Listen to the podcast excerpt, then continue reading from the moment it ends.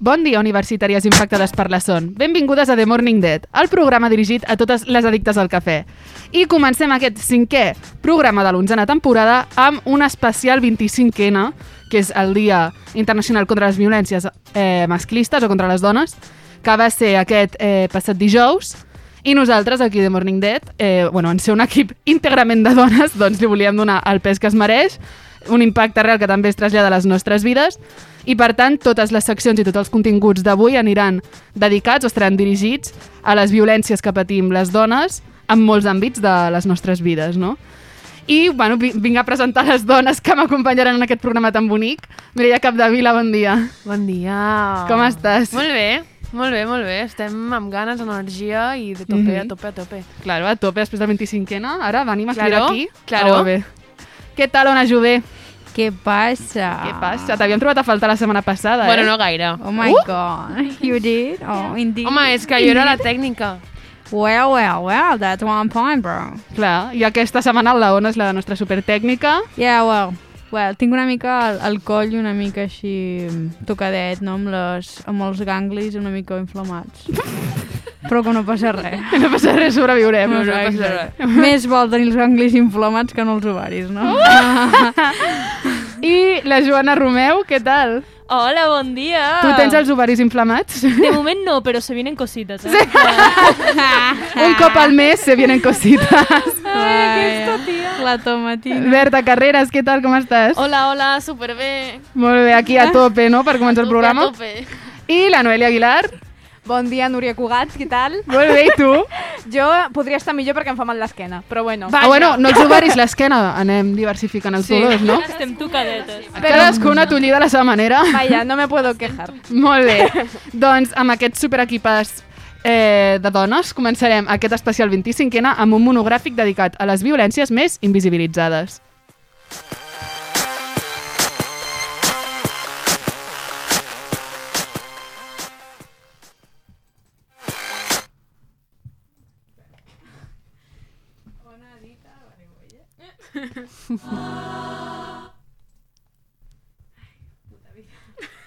Una cosa, com has baixat el micro? Perquè està com... És que està al revés.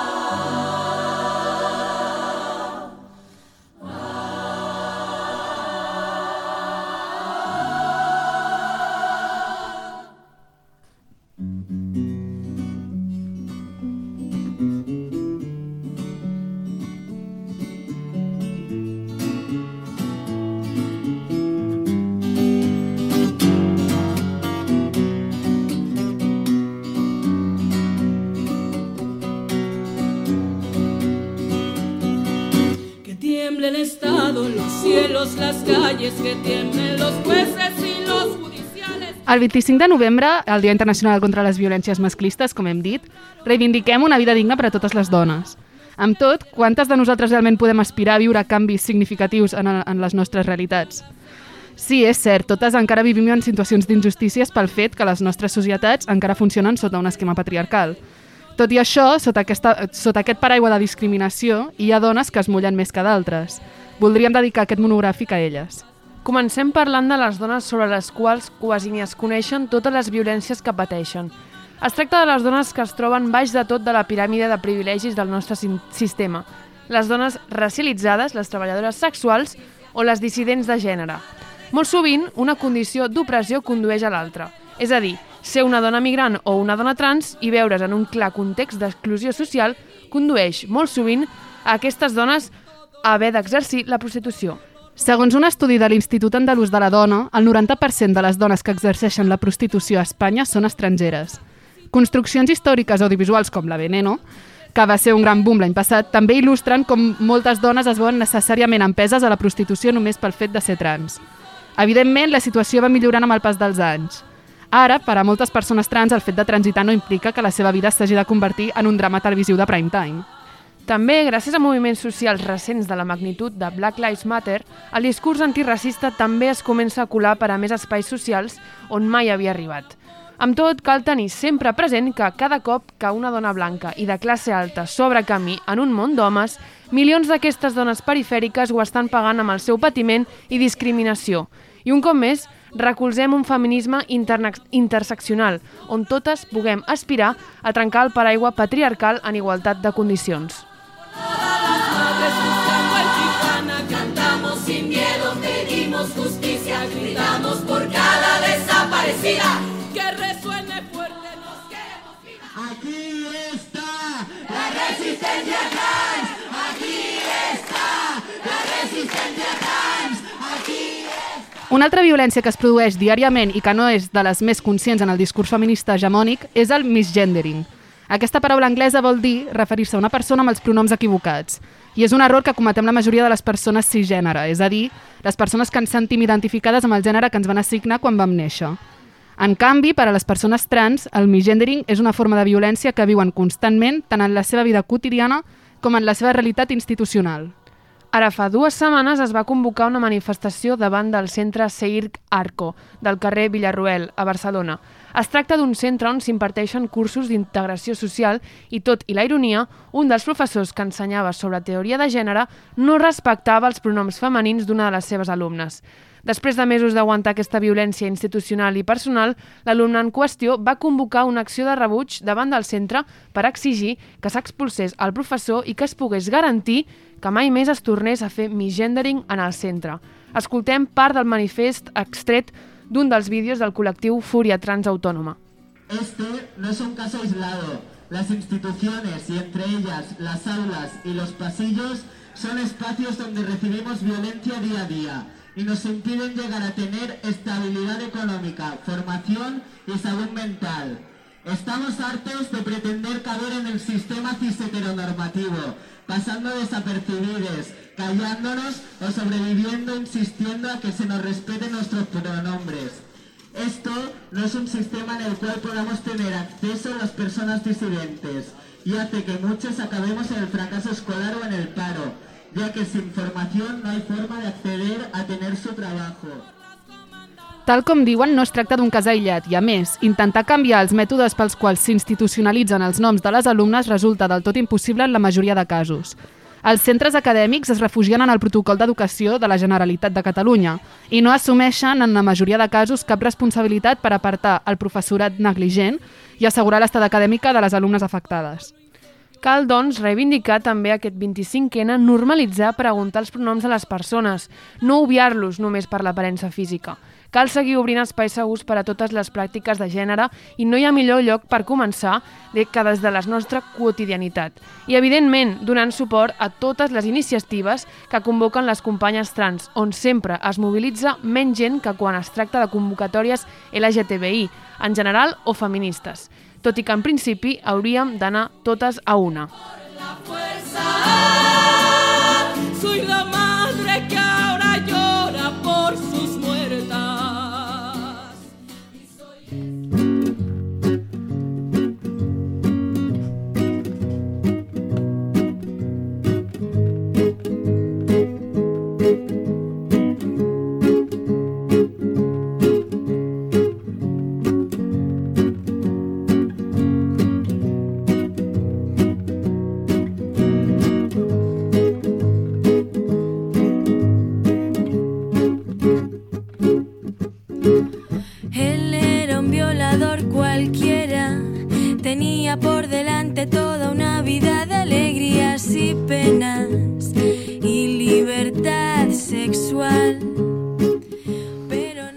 Per altra banda, les dones també patim moltes violències des dels mitjans de comunicació. A banda de titulars completament misògins, com es poden llegir cada dia, i un tractament poc inclusiu de les fonts que s'utilitzen per a produir les informacions, també rebem violències a causa de com es comuniquen les agressions masclistes. Un dels exemples més clars va ser el tractament mediàtic de la violació en grup d'un adolescent de 16 anys a Igualada el mes passat. Va ser una viola- violació brutal en la qual la víctima quasi mor i ha passat per múltiples operacions de màxima gravetat en les darreres setmanes. La notícia va ser espantosa, com sempre que s'anuncia una violació, però els detalls que es van fer públics en aquest cas van ser els que van marcar la diferència. A banda d'explicar el recorregut de la noia durant la nit que va patir la violació, en diferents mitjans escrits es van publicar detalls del tot escabrosos, com els centímetres de la seva fissura anal.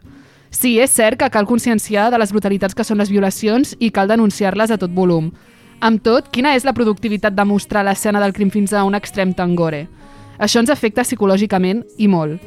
En primer lloc, els mitjans no haurien d'assumir que tothom vol conèixer aquests detalls tan escabrosos i avisar d'una manera visual, molt evident, que en la peça informativa s'inclouen informacions que poden ferir i molt les sensibilitats de les dones. Per altra banda, la finalitat exactament quina és?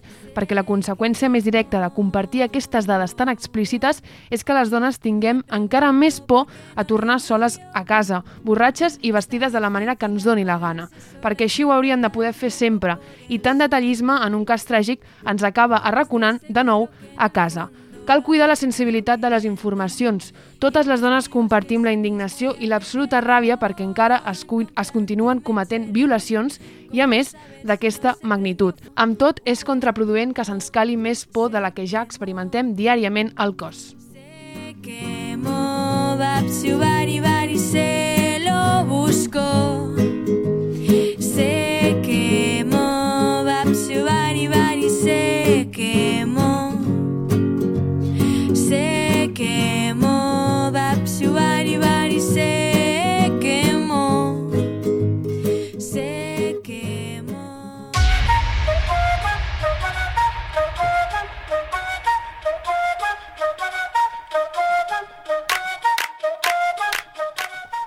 Una altra violència que se segueix propagant és la sexualització dels cossos i l'establiment d'un cos normatiu com a únic possible.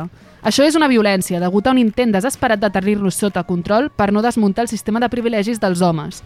Violència contra els cossos dissidents, violència contra la diversitat sexual i de gènere, violència contra les múltiple- múltiples expressions i personalitats i violència contra tot allò que es considera no normatiu. Per culpa de la propagació d'aquestes violències, se segueix fent negoci amb els nostres cossos, a través d'un llenguatge sexista que oprimeix, empetiteix i causa inseguretats cap a les dones, a través d'una publicitat sexista que atribueix la paraula sexy únicament als cossos normatius i que posa, també únicament, models que compleixen els cànons estereotipats per lluir la roba, a través també de referents amb cànons de bellesa irreals a través també de comentaris masclistes que venen dels homes, que venen des dels homes fins a les nostres amigues. No siguis tan dramàtica. Hem d'estar agraïdes que ens tirin un pirop a la nostra edat. Calla, calla, que tu no te'n recordes mai. Què fan aquestes iaies fotent-se un morret? Si t'arreglessis, eh, estaries més guapa. Amb qui xerres pel mòbil? Que m'he de posar gelós, potser, eh? Has vist com va vestida? Ja saps com és, el papa. Et parla així perquè es posa nerviós. Però hauràs de tornar sola. Que potser tens por. Oh, no et queixis tant, que a tu t'agrada tenir la casa polida. La sopa està freda. Ah, deixa'm fer a mi que acabarem abans. El teu home t'ajuda amb les netes? No has pensat en comprar carn? Tu mires el bàsquet, iaia? No t'oblidis de fer-nos un tàper, mama. El teu marit planxa? El tens ben entrenat? Vine, dona, què fas tancada a la cuina? Què fas tancada a la cuina? Què fas tancada a la cuina? a la cuina?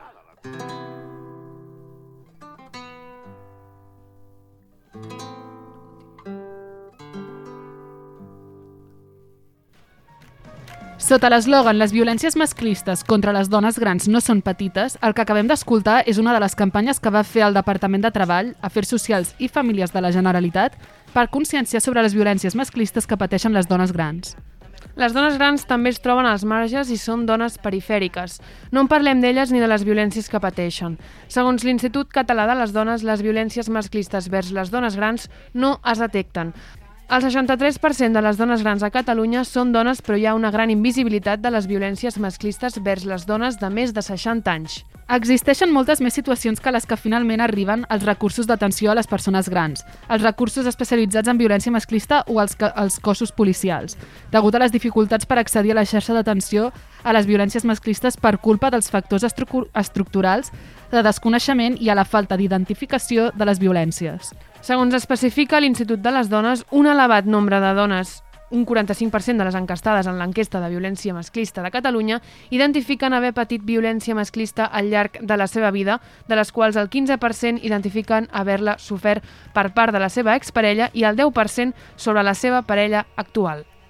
Segurament, si ara ens posem a pensar, podem dir pocs exemples sobre les violències que pateixen aquest grup de dones. Sota l'iceberg hi trobem abandonaments, negligències, violències econòmiques i psico psicoemocionals, violències i mals tractes per part dels fills, filles o cuidadors-cuidadores.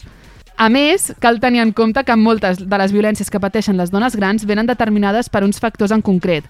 El 60% té un nivell educatiu molt baix o baix. El 28% té un, un nivell de renda excessivament baix en comparació amb els homes i el 19% tenen alguna discapacitat.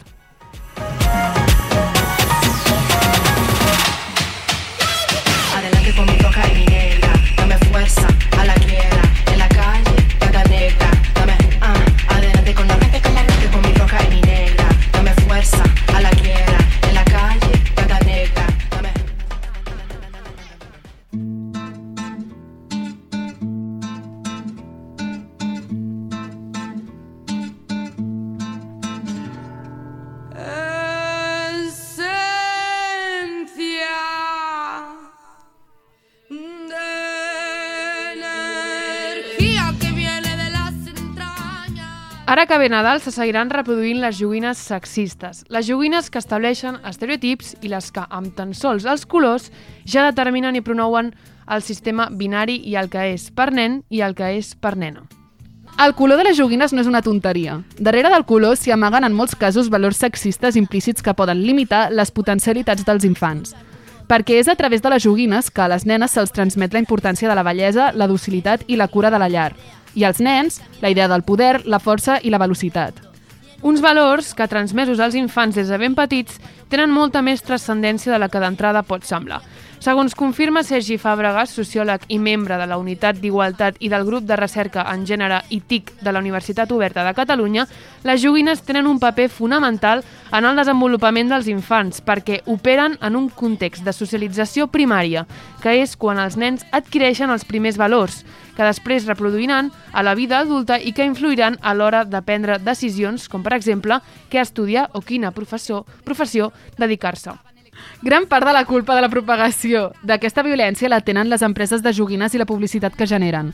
Haurien de ser més conscients de la responsabilitat social que tenen i l'impacte que causen en la societat. La legislació vigent estableix que els missatges publicitaris destinats a menors han de transmetre una imatge igualitària, plural i no estereotipada de dones i homes, i que ha de fomentar les joguines no sexistes. Però, tot i així, el 40% dels anuncis que es van emetre l'any passat incluïen estereotips de gènere i gairebé el 60% eren femenins, segons un estudi del CAC.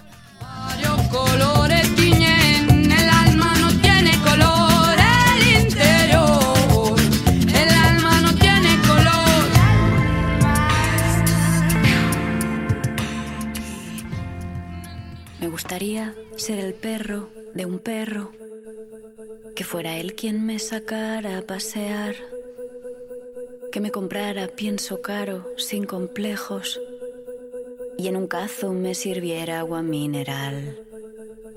Porque si yo fuera una perra... Amb tots aquests exemples que normalment se solen invisibilitzar i passen desapercebuts quan parlem de violències masclistes, des de l'equip del Morning volem dir prou.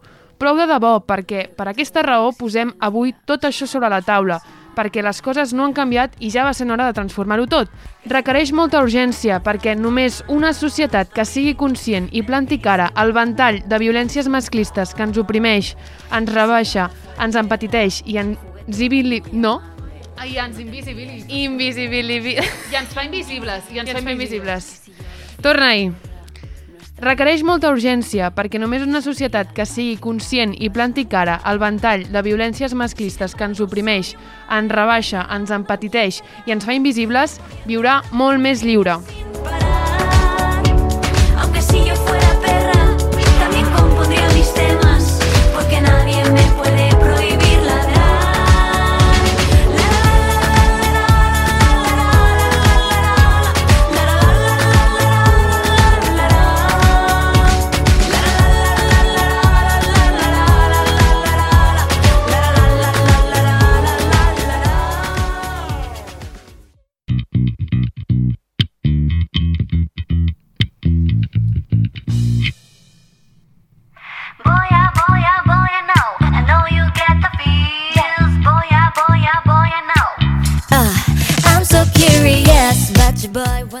comencem amb la nostra secció de K-pop setmanal. Què tal, Noelia Aguilar? Jo amb ganes aquí de rajar de Corea del Sud perquè és un país misògin. Però bueno. Let's go, let's go! Let's go! Això, amb motiu del nostre especial del Dia de l'Erradicació de la Violència Masclista, el bloc de K-pop d'avui serà més reflexiu i crític amb la situació al país asiàtic. Per començar, una etapa per la que passem moltes fans, jo inclosa vaig fer-ho. És l'etapa d'ide- idealitzar Corea del Sud. És a dir, eh, tenir moltes ganes d'anar-hi a viure, enamorar-nos d'un coreà, intentar aprendre ràpidament l'idioma, que bueno, això està bé, entre altres coses. Però no, o sigui, Corea del Sud no deixa de ser un país com qualsevol altre, i malgrat els avenços tecnològics i econòmics, encara va una mica traçada en qüestions de caire així social, sobretot en qüestions que ens envolten a nosaltres les dones. Eh? hi ha bastanta misogínia. Hi ha bastant de rebuig al feminisme. El rebuig que hi ha aquí no és res comparat amb el que hi ha allà. Hi noies idol, com ara la Irene, bueno, Irene, de Red Velvet, o la Yeji Ditzy, que s'han mostrat públicament feministes i han estat cancel·lades per això. Per llegir llibres sobre el tema, o simplement esmentar que el com lema feminista han estat cancel·lades. Fins i tot hi ha una pàgina web elaborada per homes coreans que busca ídols feministes per cancel·lar-les. Tipo, les classifica en este ídol, aquesta ídol és feminista, aquesta no, és com... No sé, simplement, eh, per això dic, si esteu començant ara a escoltar K-pop, eh, sisplau, no idealitzeu Corea del Sud, sisplau. Però ojo, perquè això que us he comentat, de les noies idol, quan són idols nois, els que mostren interès pel tema, com va passar amb l'Arem de BTS, per exemple, els alaben. Fixeu-vos aquí la misogínia que hi ha. No dic que estigui malament que s'interessin, no? però el que vull dir és que no els hem de donar un pino, una xapa per no faltar-nos el respecte. La xapa del nice guy, no? Que sembla que perquè estic llegint sobre feminista, ai, sobre feminisme ja t'ho he de perdonar tot. Sí, sí, sí. I pareces mejor persona i és com un, bueno, bro, no sé, tens una mica de sentit comú. Exacte. Que ja sembla demanar massa, és que saps? es tracta d'un mínim respecte, that's the bare minimum. Clar, clar. I això no és el pitjor, perquè existeixen casos com ara el de la cantant Sully, que era exintegrant de la girl band FX. La noia era feminista i ho mostrava públicament i tal, i era constantment atacada per ser-ho.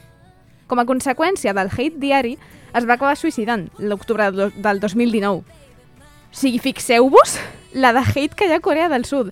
I al principi ho veiem com un país, ai, que xulo, que bonito. No.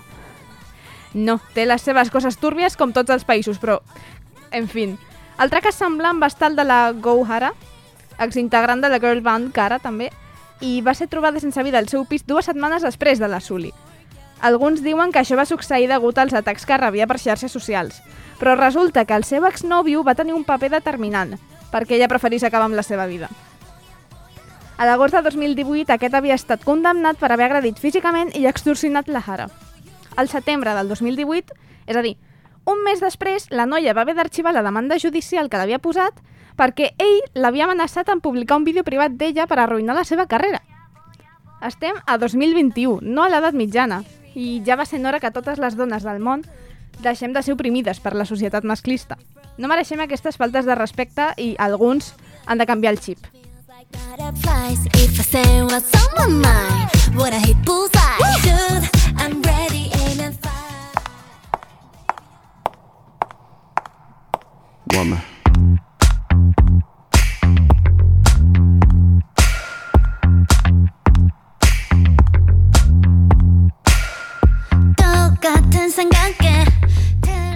Com a recomanació setmanal, avui us proposo la cançó Woman de l'artista Boa. Aquesta noia és l'artista per excel·lència de la SM Entertainment. Va fer el seu debut a principis dels anys 2000, o sigui, imagineu-vos la trajectòria que porta des de que totes nosaltres érem bebès. nosaltres aquí naciendo i ella ja traient temazos. Aquesta cançó, Woman, la va publicar l'any 2018 i des de llavors mai ha, deixat, mai ha deixat de ser un himne empoderant for us women. No us empenedireu res de donar-li una oportunitat, ja veureu. Moltes gràcies Guam. a vosaltres. Hey, yeah, yeah, yeah.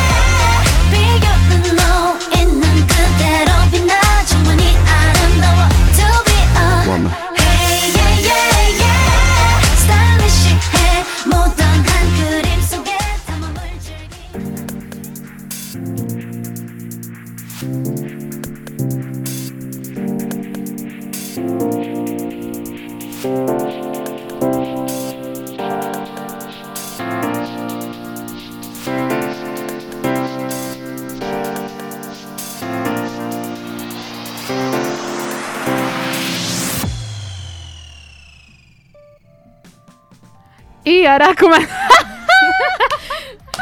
Ona! Havies de deixar una mica més, no? Vale, vale. I aquí no ens hem entès, aquest joc de mirades no ens hem He entès. aprofitat el low de la cançó, Ah, saps? doncs mira, no, no hem tingut la Tarda telepatia. en empatar, eh, la cançó. Sí, sí, però bueno, està bé, està bé, se hace Vale, de rogar, vale, però està bé. Bueno, i amb aquest super fade out de l'Ona donem pas a la Berta Carreras, que ens porta la seva secció setmanal de moda. Exactament, avui també dedicada al 25N i la secció de moda no podia ser menys. Així que repassarem una campanya molt important que es va fer el 2017 anomenada I Could Have Been, que vol dir podria haver sigut jo, que tenia l'objectiu de conscienciar sobre la violència cap a les dones. La va realitzar el grup Kering, un conjunt d'empreses comercials franceses de moda d'alta costura i de luxe, com Gucci, Balenciaga o Saint Laurent. Van col·laborar amb grans personalitats del món de la moda, com el director de Gucci, Alessandro Michele, Stella McCartney i Joseph Altazzurra, que van ser les cares de la campanya. Era una iniciativa que cridava a sumar-se tant els homes com a les dones a la lluita contra la violència de gènere.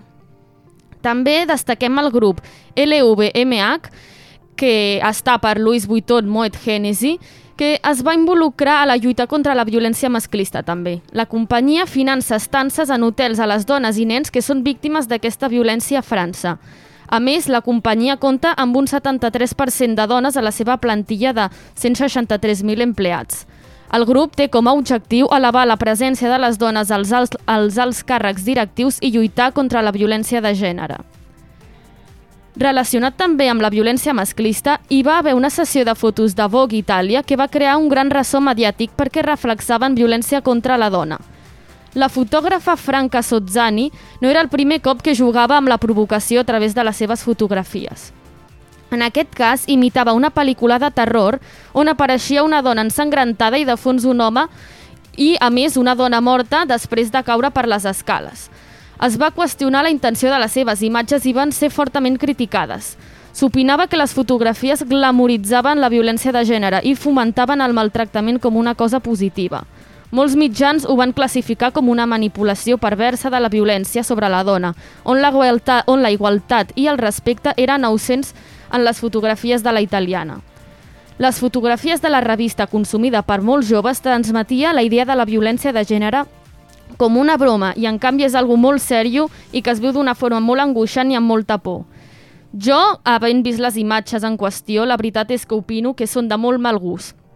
No entenc la idea de promocionar peces de roba amb aquest tipus d'imatges que transmeten aquesta violència i aquesta por que les dones pateixen malauradament.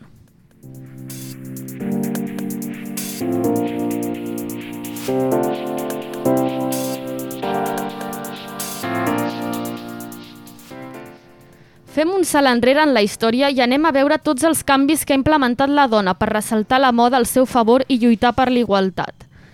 El primer gran canvi que es va viure va ser després de la Segona Guerra Mundial. Es va acceptar el model de tratge de bany de dos peces. El malic era una peça censurada, per tant, la part de baix del banyador arribava sempre fins a l'alta cintura, que en aquell llavors lluïen famoses com Ava Gardner o Marilyn Monroe. No va ser fins al cap d'uns anys quan Louis Renard va donar un pas més enllà i va inventar el conegut biquini. La personalitat més important que va portar un canvi radical a la moda va ser Coco Chanel. La dissenyadora va suprimir el corser de la figura femenina i va ser una de les primeres dones en portar pantalons i els va dissenyar per la resta de les dones. S'hi va sumar Merlin Dietrich, qui va popularitzar que les dones vestissin amb pantalons i smoking. Finalment, la icònica casa de costura Yves Saint Laurent va crear una col·lecció anomenada l'Smoking, un element que abans només s'estava pensat per homes. Es va crear una línia de roba per les dones. També Mary Kwan va tenir un paper rellevant en la història de la moda. Va inventar la faldilla mini amb tan sols 35 centímetres de longitud. Era una proposta que feia referència a l'estil pop d'aquella època. El 1968 va començar el moviment Free the Nipple, arrel d'una manifestació on es van cremar els sostens en forma de protesta, amb l'objectiu de buscar la llibertat i fugir de l'opressió que simbolitza la roba íntima de la dona. Avancem en el temps i destaquem el 2015 quan a la Setmana de la Moda de París Chanel va sorprendre amb una desfilada en forma de manifestació. Les models apareixien en pancartes amb missatges feministes per rendir homenatge a Coco Chanel. Una altra data a destacar és el 2017, quan Maria Grazia Churi, la directora de Dior, va ser la primera dona al davant de la firma. Va crear una col·lecció on el missatge principal que transmetia a través de les seves peces de roba era «We should all be feminist». També una altra col·lecció que va fer història pel, feminista, pel feminisme és la, és la casa Victor and Rolf, quan el 2019 va presentar en una desfilada un vestit on estava pintat com si fos un grafiti I am my own muse. Dades que confirmen la desigualtat entre els gèneres les va fer públiques The New York Times. Per exemple, tan sols el 14% de les grans marques de moda compta amb una dona d'executiva, encara que el 70% de les professionals que treballen en aquest sector són dones, a més que són les principals consumidores. Aquestes dades confirmen la situació alarmant i la desigualtat encara vigent en què ens trobem les dones. Un exemple d'aquesta desigualtat és Tamara Melon, la exdirectora i cofundadora de Jimmy Choo. Explica que durant el temps que va estar treballant a la marca cobrava un sou inferior a altres executius homes, fet que la va comportar a deixar la companyia el 2011. En conclusió, el talent de les dones ha sigut imprescindible pel desenvolupament del sector de la moda. A més que de mica en mica s'ha intentat millorar la societat i donar la importància que ens mereixem totes nosaltres. Encara així, segueixen sent anecdòtiques les dones que ocupen un alt càrrec en la indústria de la moda, encara que sigui un sector majoritàriament encarat al públic femení. No s'entén per què, essent la dona la principal consumidora de productes de moda, segueixen sent els homes els que estan al capdavant de les responsabilitats creatives i empresarials. Moltes gràcies, Berta. I també això, posar de relleu que fins i tot la, el disseny de la moda està fet per oprimir-nos de moltes maneres, no? I que aquí Exacte. al Morning Dead som molt free de nipple, però en general moltes dones no compten amb, amb una facilitat per trobar roba que s'adequi pues, als nostres cossos que són superdiversos Clar. i tenen unes necessitats molt variades. Per tant, bueno, moltes gràcies, Berta, per aquesta secció superinteressant. Sí, sí, llancem aquesta reflexió i ens veiem al programa que ve.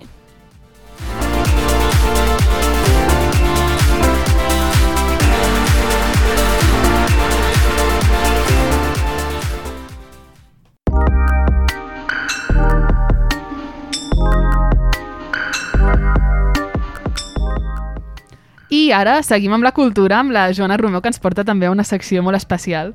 Hola, què tal? Vale, tinc moltes ganes de la secció d'avui perquè, o sigui, vaig ser super pedant i aviso que he intentat fer un, lo que vaig dir, espai sonor, saps? Gritito! Me encanta! Aló, però molt accidentat, o sigui, molt de diumenge a la tarda, saps? Però bueno, es va fer el que es va poder. Però avui som dissabte al matí. Però és que jo preparo les seccions amb una setmana d'antelació. Vaja. Tia. Que repel·lent. Total, que farem... O sigui, he preparat com un petit viatge per quatre èpoques diferents, quatre artistes diferents i quatre cançons diferents de cada artista. I doncs, eh, comencem aquest viatge.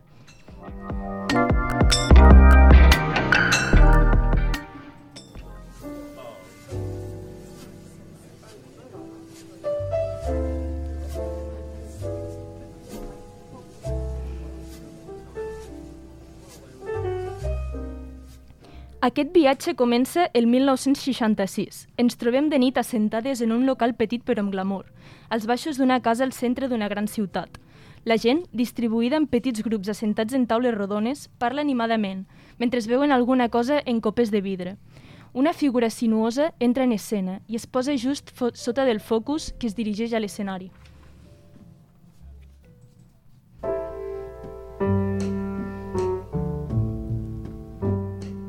La meva pell és groga. El meu pèl és llarg. Entre dos mons, jo pertanyo. El meu pare era ric i blanc.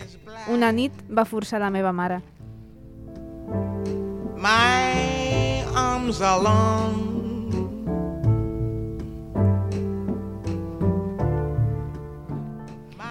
Nina Simone intenta reivindicar i criticar a través d'aquests versos i aquesta hipnòtica melodia diversos abusos masclistes. A la vegada també pretén construir una memòria de les dones, camuflada pel masclisme imperant. Ho fa a través de quatre històries que retraten les realitats de quatre dones afroamericanes, profundament estereotipades i silenciades per la societat. What do they call me? My name is Aunt Sarah.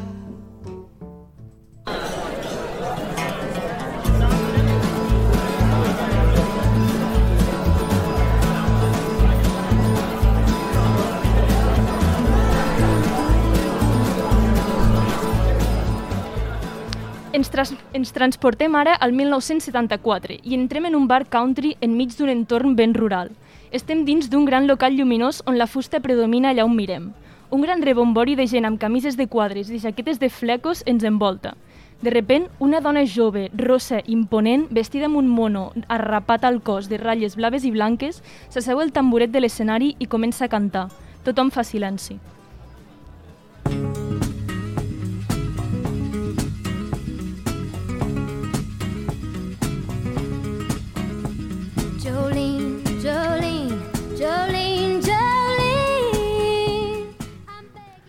Tu podries tenir l'home que triessis, però jo no podria estimar de nou. Ell és l'únic per a mi, Jolene. Havia de tenir aquesta xerrada amb tu. La meva felicitat depèn de tu. I sigui el que sigui, el que decideixis fer, Jolene. Your beauty is beyond compare with flaming locks of auburn hair, with ivory skin and eyes of. Amb aquesta cançó, Dolly Parton ens explicava com es veia ca- incapaç de competir amb una altra dona per l'amor del seu home. I és impossible imaginar-se una vida sense ell, ja que la felicitat de la cantant depèn aparentment d'aquesta relació. En cap moment es concebeix a l'home de la cançó com a emocionalment responsable dels vincles que té amb les seves relacions, i les dues dones que s'esmenten queden subjugades a les seves decisions.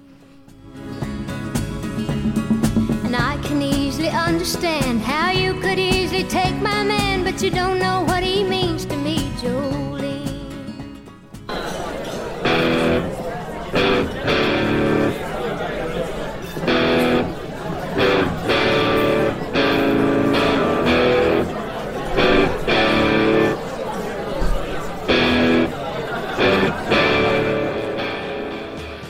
Anem ara dins d'un petit local de rock, atapeït d'objectes estranys i poc il·luminat.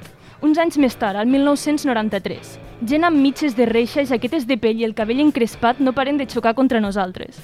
Enmig d'una boirina creada pel fum del tabac de la gent de la sala, veiem les quatre noies al final de la sala que estan a punt de tocar. El barret de la cantant crida molt l'atenció.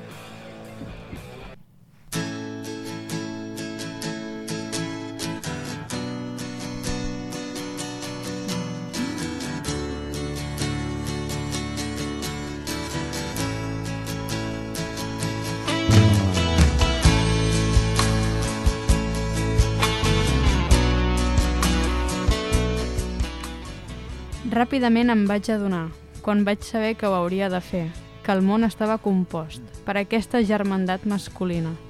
Oh, el que sigui això que signifiqui. Uh... Solip! Perdó, perdó. perdó. Solip! I ho intento. Oh, Déu meu, de veritat que ho intento. Ho intento tota l'estona en aquest manicomni. I prego. Oh, Déu meu, de veritat que prego. Prego cada un dels dies perquè passi una revolució. into a crisis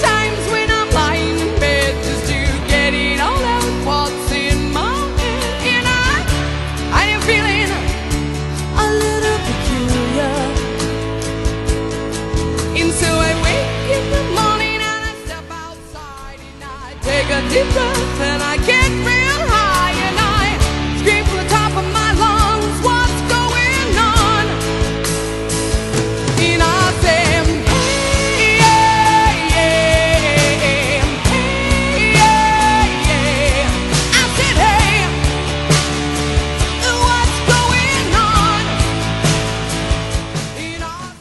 Amb aquesta cançó, la banda Four Non Blondes pretenia retratar la sensació d'estar profundament perduda i seguir buscant un lloc en aquest món cruel. Es dirigien així a tots i totes les joves del món, comptant també amb l'afegit del masclisme com a obstacle per a moltes de nosaltres en la búsqueda del nostre destí.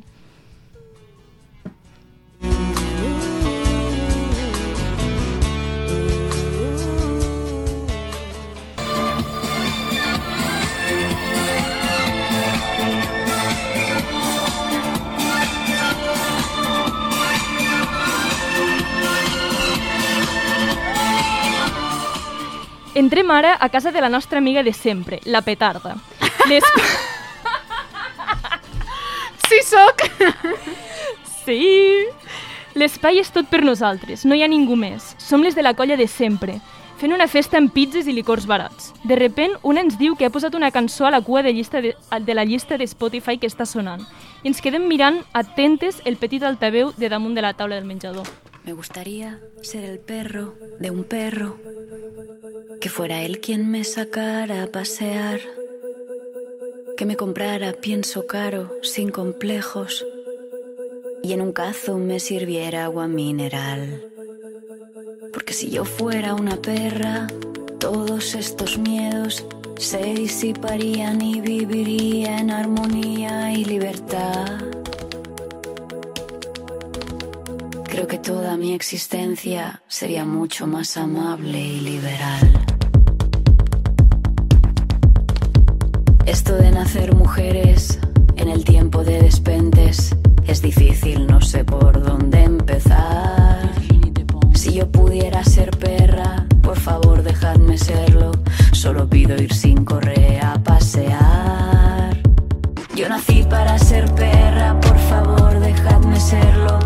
Pero no quiero llevar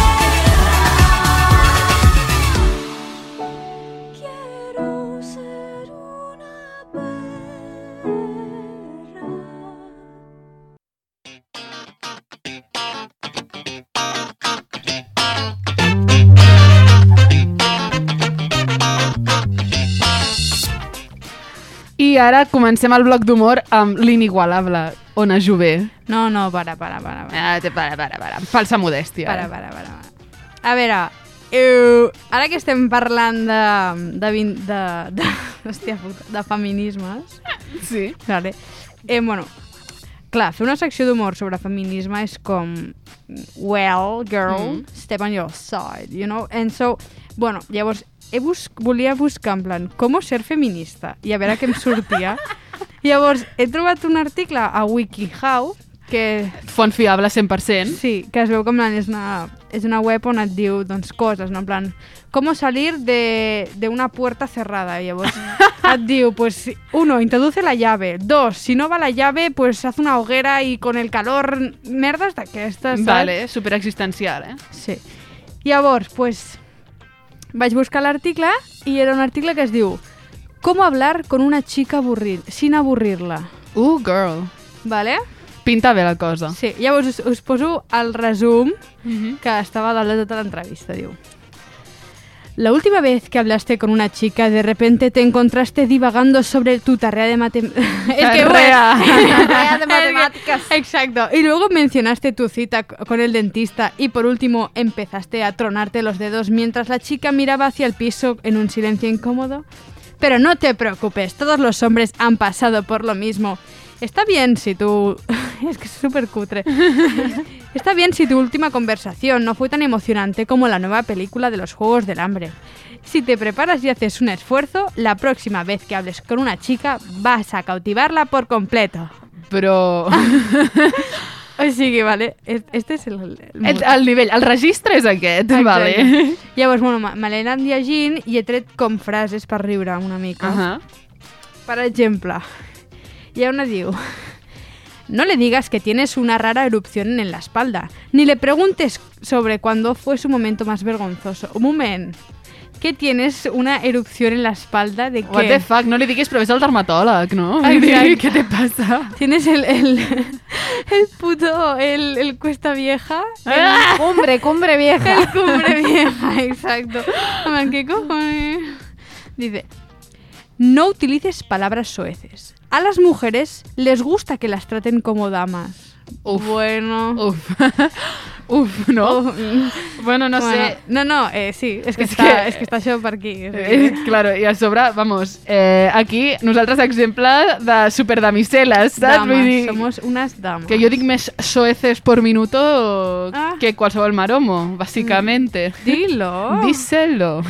Dice, si te cuesta hacer contacto visual o prefieres evitarlo, intenta mirar a su nariz, pero no fijamente. No, home, no, jo em pensaria que tinc un moc. en plan, si algú em mira fixament al nas, jo penso, uah, tio, tinc un moc i no m'està Ai, no dient, però m'està m'està dient. dient. Però ho està veient moltíssim, saps? En plan, que puto asco.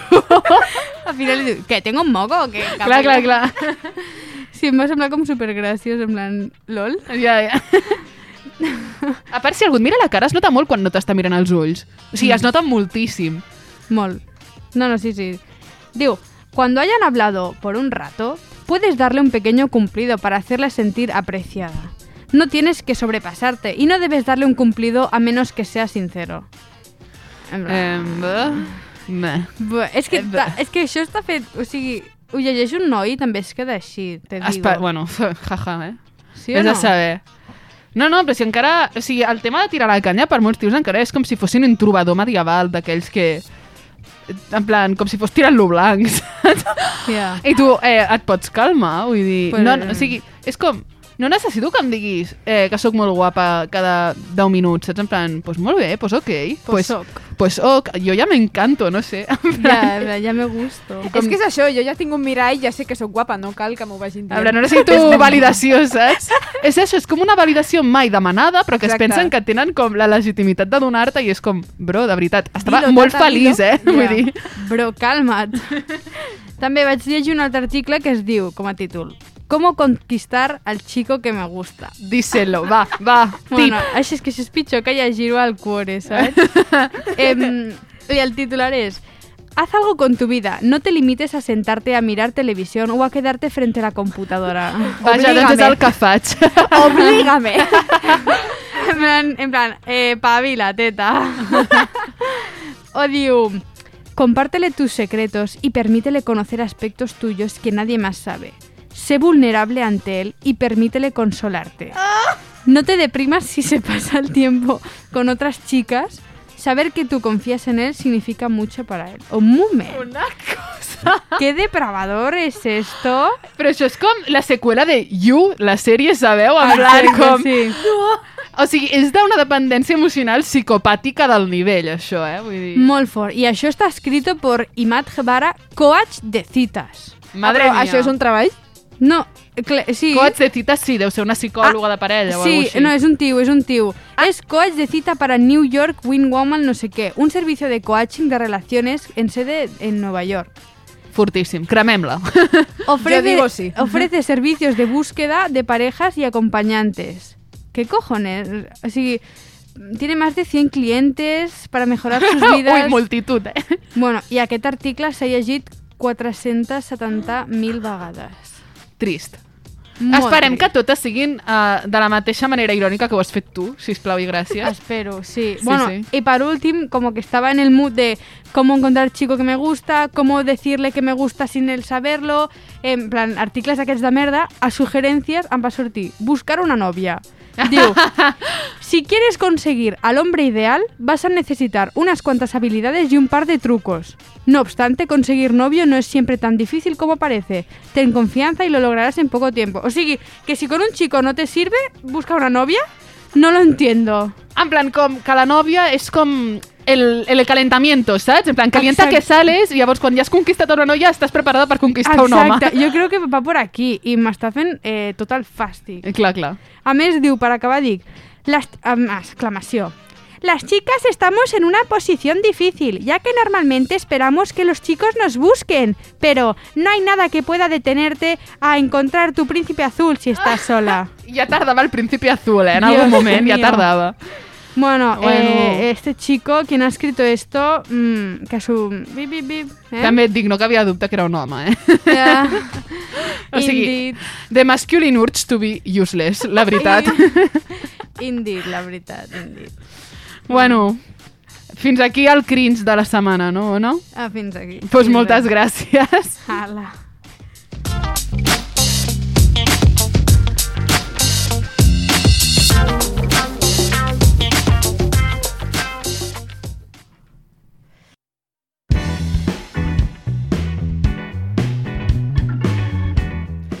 I seguim amb l'humor i amb l'Ona Jové. Surprise, surprise. Hola, tíos, he vuelto, tíos.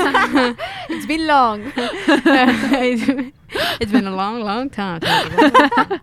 Sí, sí. Bueno, ah, vale, us porto l'absurd. us porto l'absurd que, bueno, ets molt xuli, vale? Disfruteu-lo. És una mica llarguet, o sigui, és com una cançó, així que... Ja se passa de cantautora, eh? No. La tia. Ya me paso de, de hacer un post a un Instagram TV, eh? Ah. Aquí el upgrade. Exacte. Bueno, a veure que, si l'adivineu. You've been feeling blue for a long time. It seems that nothing can make you smile. It happens what you search, what you cannot find. I can feel the energy of your vibes, learning from the scars of all your fights, longing for the things that make you shine.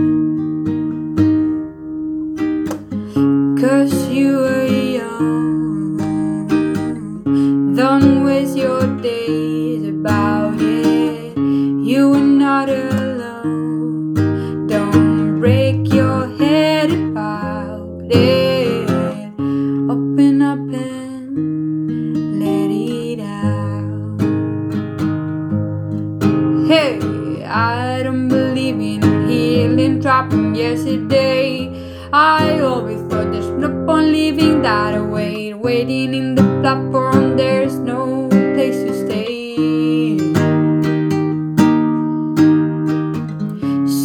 tell me when you're ready. We'll chase the cloud away. Let's turn off the blue light. You can make your mood rise. Open up your face. La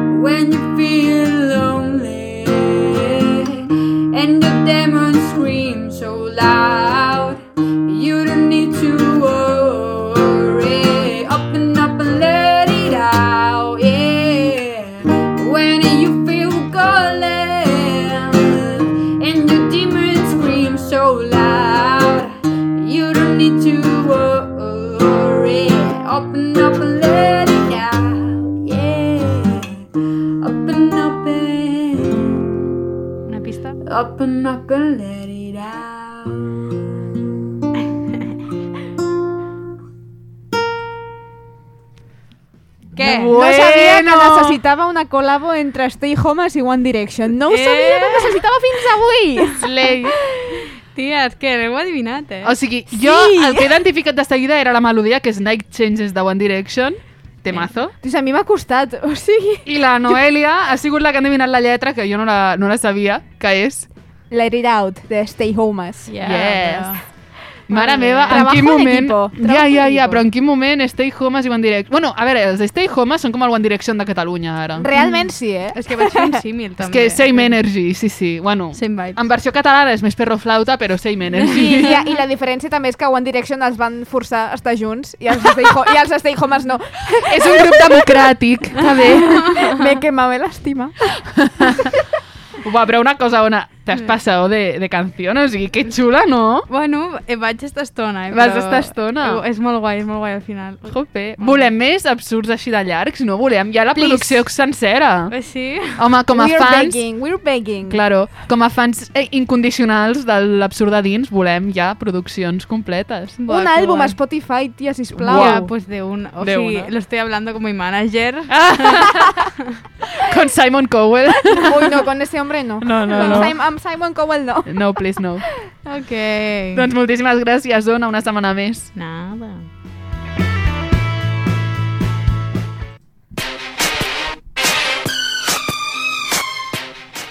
I fins aquí el programa d'aquesta setmana, fins aquí l'especial 25ena eh, dedicat al Dia Internacional contra les Violències Masclistes.